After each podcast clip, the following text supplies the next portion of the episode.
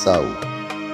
Bersama kita dalami pesan Al-Quran setiap hari.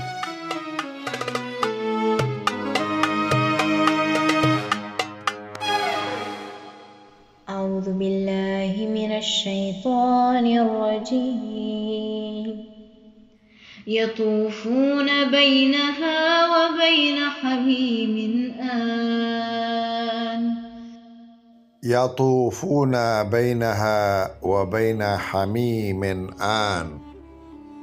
Mereka berkeliling di sana di antara air yang mendidih.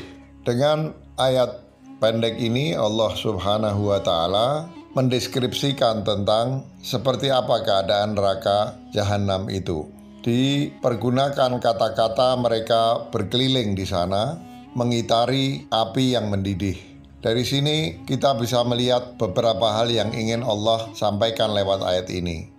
Pertama, bahwa yang mereka lakukan adalah berkeliling dan berkeliling terus, yang berarti tidak ada satupun tujuan yang hendak dicapai, tidak ada titik tempat mereka berhenti, bahwa peristiwa itu akan berulang, berulang, terus-menerus tanpa ada kepastian kapan peristiwa itu berhenti, karena tidak ada tujuan pasti yang bisa menjadi tanda bahwa proses berkeliling itu akan berhenti.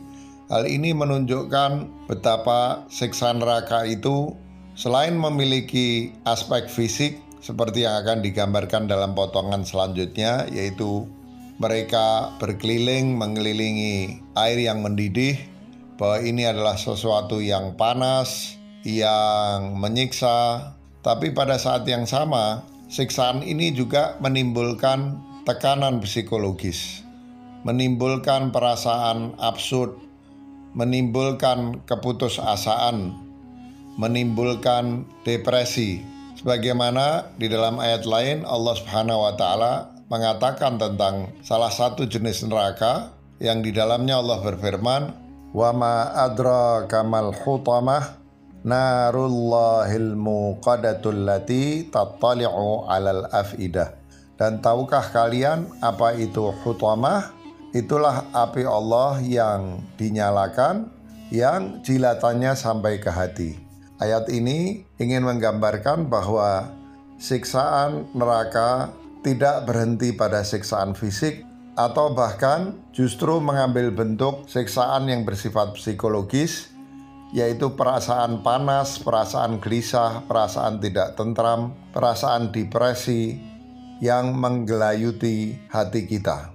Dengan ayat yang pendek ini, Allah ingin memastikan bahwa kita tidak lagi ragu bahwa siksaan neraka itu adalah sesuatu yang menyakitkan, yang menyengsarakan, dan sejak jauh-jauh hari sebelum manusia itu meninggal dunia dan masuk ke alam barzakh, yakni ketika manusia masih di dunia ini, manusia sudah bisa mempersiapkan diri dan menggalang semangatnya untuk menghindarkan diri dari perbuatan-perbuatan yang buruk, yang penuh dosa, dan sebaliknya mengumpulkan amal-amal baik agar ketika meninggalkan dunia ini memasuki alam barzakh ataupun mengarungi alam akhirat setelah dibangkitkan dari alam barzakh manusia bisa terhindar dari siksaan Allah yang pedih yang siksaan itu juga mengambil bentuk kesedihan, serta sebagai gantinya, justru keadaan kita di alam akhirat itu akan menjadi indah dengan pengampunan dosa-dosa kita dan diputuskannya kita untuk menjadi penghuni surganya Allah Subhanahu wa Ta'ala. Kesimpulannya, kalaupun manusia dimasukkan ke neraka oleh Allah Subhanahu wa Ta'ala, dan mudah-mudahan Allah Subhanahu wa Ta'ala menghindarkan kita dari keadaan ini, maka itu pun juga merupakan karunia Allah Subhanahu wa taala karena tujuannya adalah untuk membersihkan dosa-dosa para pendosa, kejahatan para pendosa agar meskipun mereka melewati siksa, mereka pun bisa bergabung dengan orang-orang baik dan pada saatnya mendapatkan kenikmatan dari Allah Subhanahu wa taala. Sebelum itu pun, jika kita sebagai manusia mengikuti peringatan Allah Subhanahu wa taala, maka tidak perlu lagi kita melewati masa-masa sengsara di dalam neraka, tapi kita bisa langsung masuk ke dalam surganya Allah Subhanahu wa taala. Itu sebabnya sekali lagi setelah berulang kali Allah Subhanahu wa taala mengulangi ayat yang sudah diulanginya Fabi ayyi alai rabbikuma maka nikmat karunia mana lagikah yang kalian wahai manusia dan jin akan dustakan? Karena sesungguhnya tak ada sesuatu pun yang datang dari Allah Subhanahu wa taala kecuali kebaikan.